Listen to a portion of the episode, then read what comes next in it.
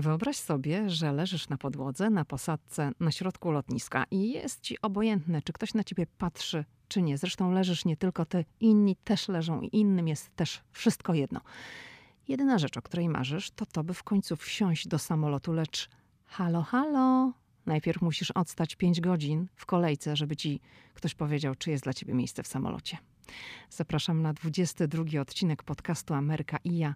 To jest opowieść w sam raz na święta, bo podcast ukazuje się w Wigilię. Lidia Krawczuk. Ameryka i ja. Dzień dobry. Odcinek tego podcastu ma premierę w Wigilię, ale tutaj przyznam uczciwie, zaplanowałam go dużo, dużo wcześniej, w październiku. Tak, tak, w październiku usiadłam z kalendarzem i wypisałam wszystkie, wszystkie tematy, o których chcę opowiedzieć w podcaście do końca roku. I zrobiłam listę na całe trzy miesiące, czyli na ostatni kwartał 2019 roku. Dlaczego? Po pierwsze, jestem wielką zwolenniczką planowania, ale też dlatego, że wiedziałam, że Boże Narodzenie spędzam w Polsce. A ponieważ każdy premierowy odcinek pojawia się we wtorek, a w tym roku wtorek to jest Wigilia, no to chciałam sobie dobrać taki temat, żeby on w tym dniu pasował, żeby był odpowiedni na ten dzień. I no też musiałam swoją pracę zaplanować, żeby móc spokojnie świętować. No taki ładny rym mi się tutaj zrobił. Zaplanować, świętować. Być może zechcesz posłuchać tego odcinka podczas krzątaniny w kuchni przed kolacją wigilijną albo podczas świąt. No to jest taki temat, żeby dobrze się wpisał w ten świąteczny czas, choć o samych świętach nie będę dzisiaj mówić. Nie, nie, nie, bo o sezonie świątecznym jest cały 19 odcinek i możesz do niego wrócić, jeżeli masz ochotę. W 22, czyli dzisiejszym odcinku podcastu Ameryka i ja, opowiem o moim pierwszym i drugim locie na święta Bożego Narodzenia do Polski w 2009 i w 2010 roku. Ten lot w 2009 roku to była moja pierwsza wizyta w Polsce od wyjazdu do USA, czyli to było po pięciu miesiącach. I nie wiem, czy znajdzie się ktoś, kto zaliczył taką podróż jak wtedy my, czyli mój mąż i ja. Także, no nie wiem, kiedy tego słuchasz. Jeśli w Wigilię, jeszcze przed kolacją, to super. Jeśli później, to też nic nie szkodzi. Okej, okay, zaczynamy. Kiedy Paweł i ja przylecieliśmy do Waszyngtonu, a było to w lipcu 2009 roku, no to siłą rzeczy tam wypytaliśmy kogoś, kogo mieliśmy, o wszystko, co się tutaj dało wypytać. I jedno z pytań brzmiało wówczas, pytaliśmy znajomego Polaka, jaka tutaj jest zima. On mówił, e, to nie, tutaj nie ma tam zimy prawdziwej, to taka zima, nie zima. Pada śnieg? Jaki śnieg? Nie ma tutaj śniegu, ja tutaj nie pamiętam śniegu. Znajomy spędził w Waszyngtonie kilka lat, nie za dużo, no ale nie, nie, jaki tam zimy, tutaj nie ma żadnych zim, nie ma tutaj śniegu. No nie ma, to nie ma, okej. Okay. Trochę szkoda, bo bardzo lubimy śnieg, lubimy zimę, no ale jak nie ma, to nie ma. Nie? Minęło kilka miesięcy, znajomy już zdążył wrócić na stałe do Polski i my z Pawłem szykowaliśmy się do tej naszej pierwszej podróży do kraju od czasu wyjazdu do USA, czyli po pięciu miesiącach. Była wtedy połowa grudnia 2009 roku i sypnął taki śnieg, że Waszyngton wyglądał jak wymarłe miasto. Nikt nie jeździł samochodem wtedy. No można się zabić, tak? Tutaj jest taka filozofia, że jak pada śnieg, to w ogóle nie, nie, nie ma, nie wychodzimy, bo, bo można się zabić. Nikt nie chodził do pracy, firmy pozamykano, no bo przecież można zabić się po drodze, jak się jedzie do pracy albo się idzie. A sklepy świeciły pustkami albo były zupełnie zamknięte na, na cztery spusty. Tutaj w ogóle tak, taka dygresja, jak ma na przykład huragan nadejść i są komunikaty, to w sklepie po prostu niektóre półki są gołe, nic na nich nie ma, bo ludzie wykupują pewne rzeczy takie jak woda, baterie, warzyw zaczyna brakować. Oczywiście nie mówię, że to w jakimś takim mm, dramatycznym wymiarze, no ale zdarza się, że przychodzisz i no, niektóre półki nagle są gołocone, no bo ma być huragan i wszyscy tam robią zapasy. I wtedy w 2009 roku, w grudniu, międzynarodowe lotnisko Dulles pod Waszyngtonem, z którego my leciliśmy do Europy, też wstrzymało loty. I na początku te loty były wstrzymane z powodu opadów śniegu tutaj w Stanach, a później loty do Europy nadal się nie odbywały, ponieważ intensywnie padał wtedy śnieg w całej Europie. była sytuacja sparaliżowana. No i my się zastanawialiśmy, czy polecimy e, na święta do Polski, ponieważ sytuacja nie wyglądała dobrze. No, sytuacja, mówiąc szczerze, wyglądała beznadziejnie. I nasz lot wyglądał w ten sposób, że mieliśmy zaplanowaną przesiadkę w Londynie, a sytuacja w Londynie była po prostu już tak beznadziejna, że szkoda gadać. Lotnisko Heathrow w Londynie, bo tam mieliśmy się przesiadać, nie było w stanie e, poradzić sobie ze śniegiem. Brakowało sprzętu do odśnieżania, a śnieg na dodatek walił bez opamiętania cały czas. My pochodzimy ze Szczecina i dla nas najdogodniejszy lot to lot do Berlina, a potem z Berlina transport samochodowy do domu, który tam zajmuje około dwie godziny. No niestety z Waszyngtonu nie ma lotów bezpośrednich do Berlina, tak? czyli ze stolicy Stanów Zjednoczonych nie ma bezpośredniego połączenia do stolicy Niemiec i my chcąc polecieć do domu zawsze musimy się gdzieś przesiadać w Europie. Oryginalnie mieliśmy kupiony lot przez Madryt liniami Iberia, ale w międzyczasie zlikwidowano to połączenie, czyli Madryt-Waszyngton. I dostaliśmy informację, że polecimy linią British Airways przez Londyn, no, który jak się zimą okazało był kompletnie sparaliżowany. No i nadszedł dzień naszego wylotu i po prostu cieszyliśmy się jak wariaci, bo lotnisko znowu wznowiło rejsy. No to dla nas oznaczało, że no lecimy, hurra, no, polecimy do Polski na święta, wszystko idzie zgodnie z planem. Ten taki śnieg bardzo intensywny w Waszyngtonie padał kilka dni przed naszym wylotem, więc do tego czasu, jak przyszedł dzień, w którym my mieliśmy lecieć, już była taka sytuacja, no wydawało się opanowana i no lecimy, tak? Pojechaliśmy na lotnisko, no zadowoleni, bo nasz lot był zaplanowany, no ale jeszcze wtedy nie wiedzieliśmy, co nas czeka w związku z chaosem, jaki panował i tutaj w Stanach, no bo przecież loty były odwołane, to trzeba było tych ludzi umieścić w kolejnych samolotach i tak dalej, i tak dalej. No to, to wiadomo, wielka operacja się zrobiła. No jeszcze w związku z sytuacją, która panowała niemal w całej Europie, to nasz samolot wyleciał z Waszyngtonu z kilkugodzinnym opóźnieniem. My mieliśmy wtedy lot wieczorny, zazwyczaj tak latamy. On był zaplanowany na godzinę 22. I czyli na dziesiątą, tak po amerykańsku, bo Amerykanie nie posługują się tym 24-godzinnym systemem. Oni się posługują systemem 12-godzinnym, czyli jest właśnie to słynne AM i PM. I nie ma godziny 16, tylko jest czwarta, 4 p.m., tak? Czwarta po południu. Nie ma 23, jest 11, 11 p.m. A to taka dygresja. Polecieliśmy więc wtedy jakieś 5 godzin później, a to oznaczało, że no za Chiny nie mogliśmy zdążyć na samolot lecący z Londynu do Berlina. Y, nie było takiej po prostu możliwości, tak? Wiedzieliśmy, że dotrzemy na lotnisko Heathrow w Londynie z wielogodzinnym opóźnieniem. No i mój mąż zaklinał wtedy rzeczywistość. Mówił, no ale przecież muszą nas wsadzić w jakiś samolot, tak? No już wylądujemy w tym Londynie, to coś muszą z nami zrobić. Jakoś tam doczłapiemy do tej Polski, nie? No, no tak, no pewnie tak.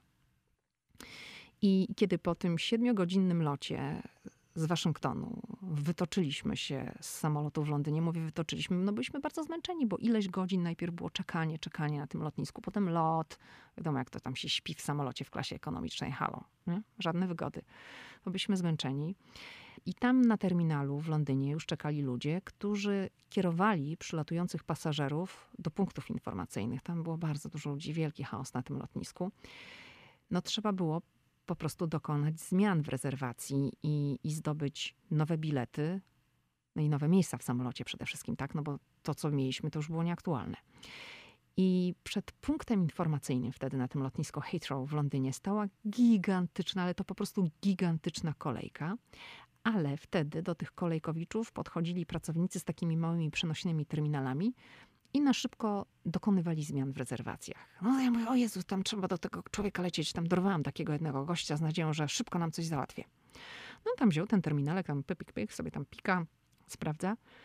No ale niestety okazało się, że w związku z tym, iż nasze pierwotne bilety były wystawione przez linie lotnicze Liberia, a teraz lecieliśmy British Airways, to ten człowiek na szybko, tak od razu, żeby załatwić tę sprawę na miejscu, nie mógł nam pomóc.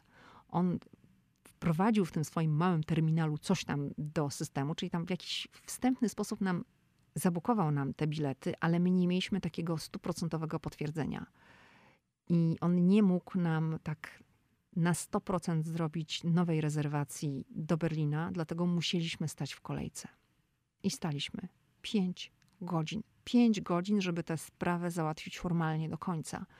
No były już wtedy takie momenty, że ja po prostu leżałam na podłodze. Po prostu leżałam na podłodze, bo byłam tak zmęczona, już nie dawałam rady i było mi wszystko obojętne i tam też inni też leżeli. Po prostu ludzie się słaniali, kładli się na podłodze, gdzie się dało, bo, no, bo każdy był zmęczony. I kiedy w końcu już dostaliśmy nowe bilety na następny dzień, to już się zrobił wieczór. I razem z innymi pasażerami zostaliśmy odwiezieni do hotelu pod Londynem. W hotelu staliśmy kolejnej gigantycznej kolejce ponieważ trzeba było się zameldować. Takich ludzi, którzy po prostu gdzieś tam z lotniska zostali przywiezieni, było mnóstwo. I zanim to wszystko załatwiliśmy, zanim wykąpaliśmy się, zjedliśmy, poszliśmy na kolację, bo dostaliśmy vouchery. Oczywiście ten hotel dostaliśmy od linii lotniczej, tam nie musieliśmy za to płacić. Była kolacja. No ale zanim to wszystko się odbyło, to zostało nam na sen 4 godziny. Tak, 4 godziny.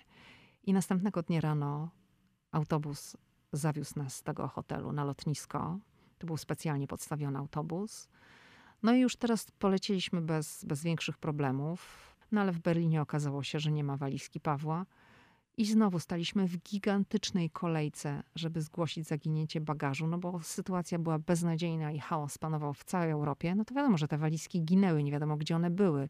I ludzie stali w gigantycznych kolejkach, żeby zgłosić zaginięcie bagażu i trzeba było tą całą procedurę odbyć. No i oczywiście też to zajmowało czas. No ale zdążyliśmy, przylecieliśmy do Polski na święta. Także wtedy się udało, ale, ale to nie jest koniec. To nie jest koniec tej opowieści, bo jest jeszcze jedna historia z 2010 roku, czyli rok później, już przed naszym kolejnym lotem na święta, nasza rodzina i nasi znajomi zaklinali rzeczywistość, no, żeby nie było jak rok temu, jak żeby nie było, żeby nie było. No, no nie mogło przecież być tak. Przecież takie rzeczy dwa razy się nie zdarzają, a poza tym w Waszyngtonie zimy nie ma, nie? Znajomy mówił, to była jakaś anomalia pogodowa, tutaj zimy nie ma. No nie ma. I w drugiej połowie grudnia w 2010 znów walnął taki śnieg, że no niech to szlak, inaczej nie mogę tego powiedzieć. I to było i w Europie, i w USA. I nasz zaplanowany lot został odwołany. To już było pewne. Samolot nie poleci. Koniec, kropka. Paweł, mój mąż, wisiał wtedy na telefonie, próbując dokonać jakiejś rozsądnej zmiany rezerwacji. No ale ludzi w takim położeniu jak my było tak wielu, że zaproponowano nam wylot dopiero w drugi dzień świąt wieczorem, no, czyli po świętach. I mówiąc szczerze, no ja się pogodziłam z myślą, że no nie polecimy do Polski na święta, że no trzeba będzie coś tutaj zrobić. I tyle, koniec. No taka jest sytuacja losowa, pogodowa, niezależna od nikogo. No trzeba to przyjąć na klatę. No ale Paweł dla niego takie rozwiązanie było nie do przyjęcia. On sobie wymyślił, że my lecimy do Polski na święta i mamy do tej Polski polecieć. Dlatego nękał telefonami, kogo się dało, wydzwaniał tam do linii lotniczej, wszędzie próbował po prostu jakieś, dokonać jakiejś zmiany. Ja tam odpuściłam, mówię, nie lecimy, trudno. Nic, nic na to nie poradzę, nie mam na to wpływu. A tu mój mąż wyskakuje nagle i mówi, Załatwiłem nam nowy lot. Lecimy do Polski. Lecimy 23 grudnia z Nowego Jorku przez Helsinki do Berlina.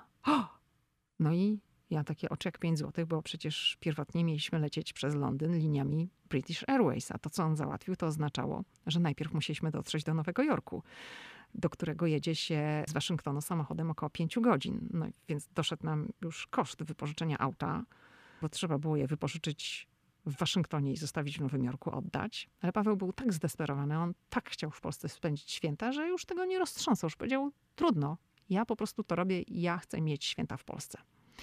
No to okej, okay, no pojechaliśmy do Nowego Jorku, dojechaliśmy e, bez problemu. I podczas odprawy na lotnisku imienia Kennedy'ego w Nowym Jorku od razu już nam wręczono kupony na jedzenie do zrealizowania w barach na, na, tam na terminalu.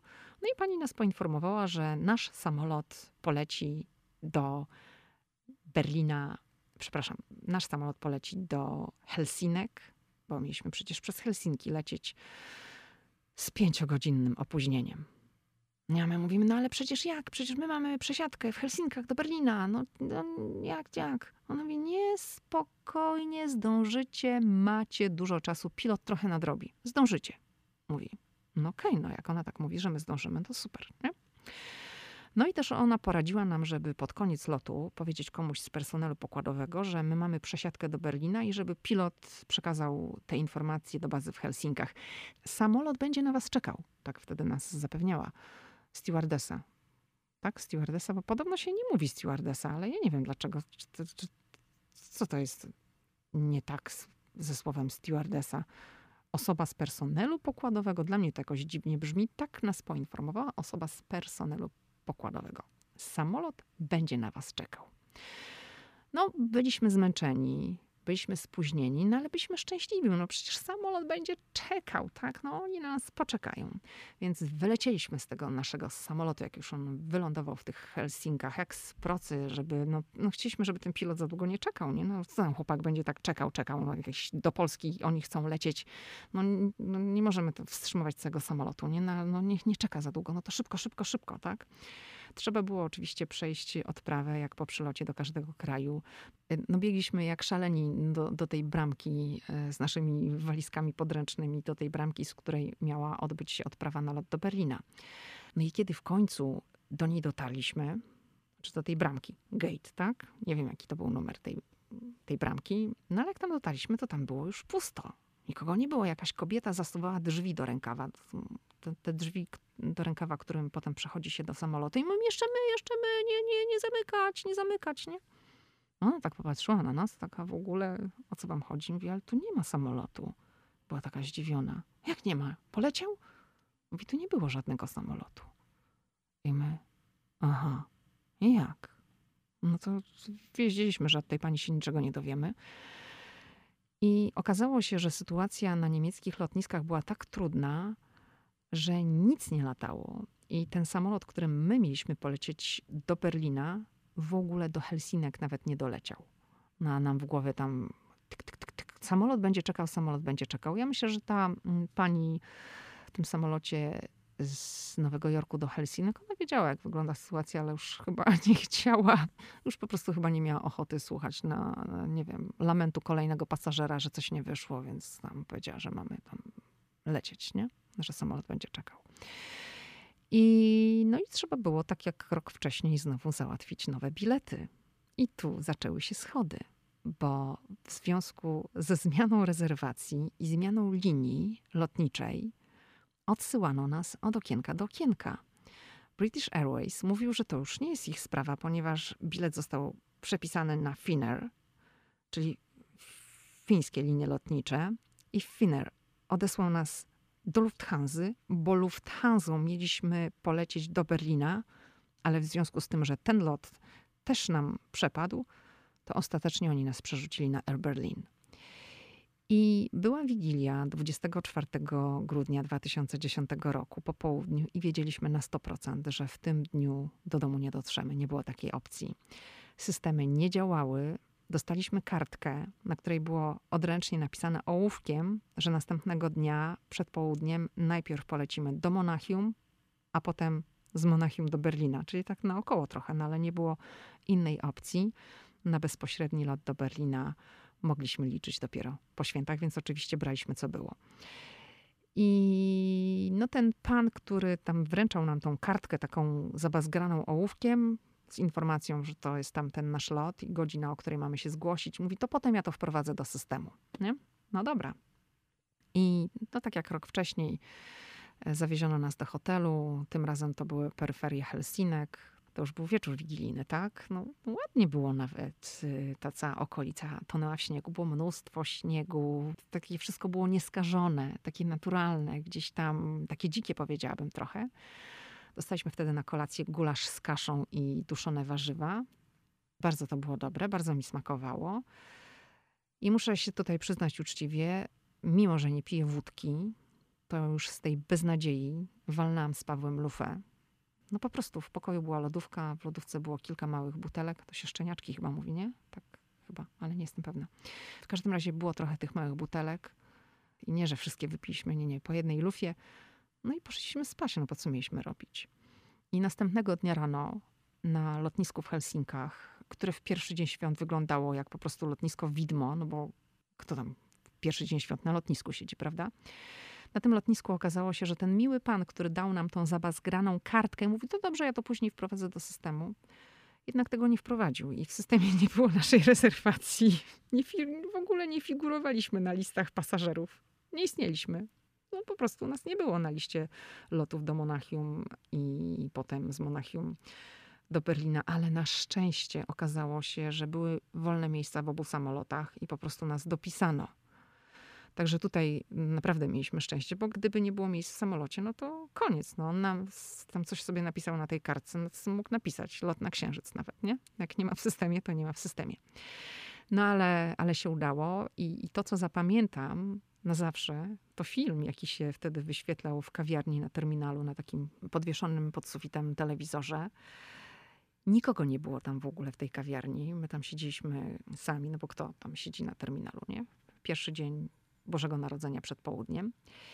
I my piliśmy w tej kawiarni jakąś herbatę, chyba jedliśmy jakieś ciasto i gapiliśmy się na te ekrany, co tam było. I wtedy na tym ekranie, na tym telewizorku sobie tam żwawo kopulowały kangury. I to jest takie moje świąteczne wspomnienie z Bożego Narodzenia 2010 roku.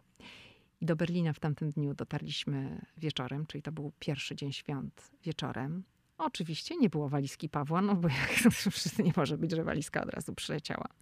Więc znowu trzeba było sterczyć w kolejce i, i to zgłosić. Także no, późno przyjechaliśmy do Szczecina, no ale przyjechaliśmy. I, I tak to było przez pierwsze dwa lata, przez pierwsze dwa lata, kiedy przylatywaliśmy z Waszyngtonu do Polski na święta. Potem, a latamy na Boże Narodzenie co roku. Już na szczęście nie było takich numerów. Chociaż walizki mojego męża giną notorycznie. Ja nie wiem, jak to się dzieje. Znaczy one się potem znajdują, tylko po prostu są dostarczane po iluś dniach do domu. Moja nigdy chyba nie zginęła przez te 10 lat, jak latamy do Polski. W tym okresie jego ginie no, bardzo często.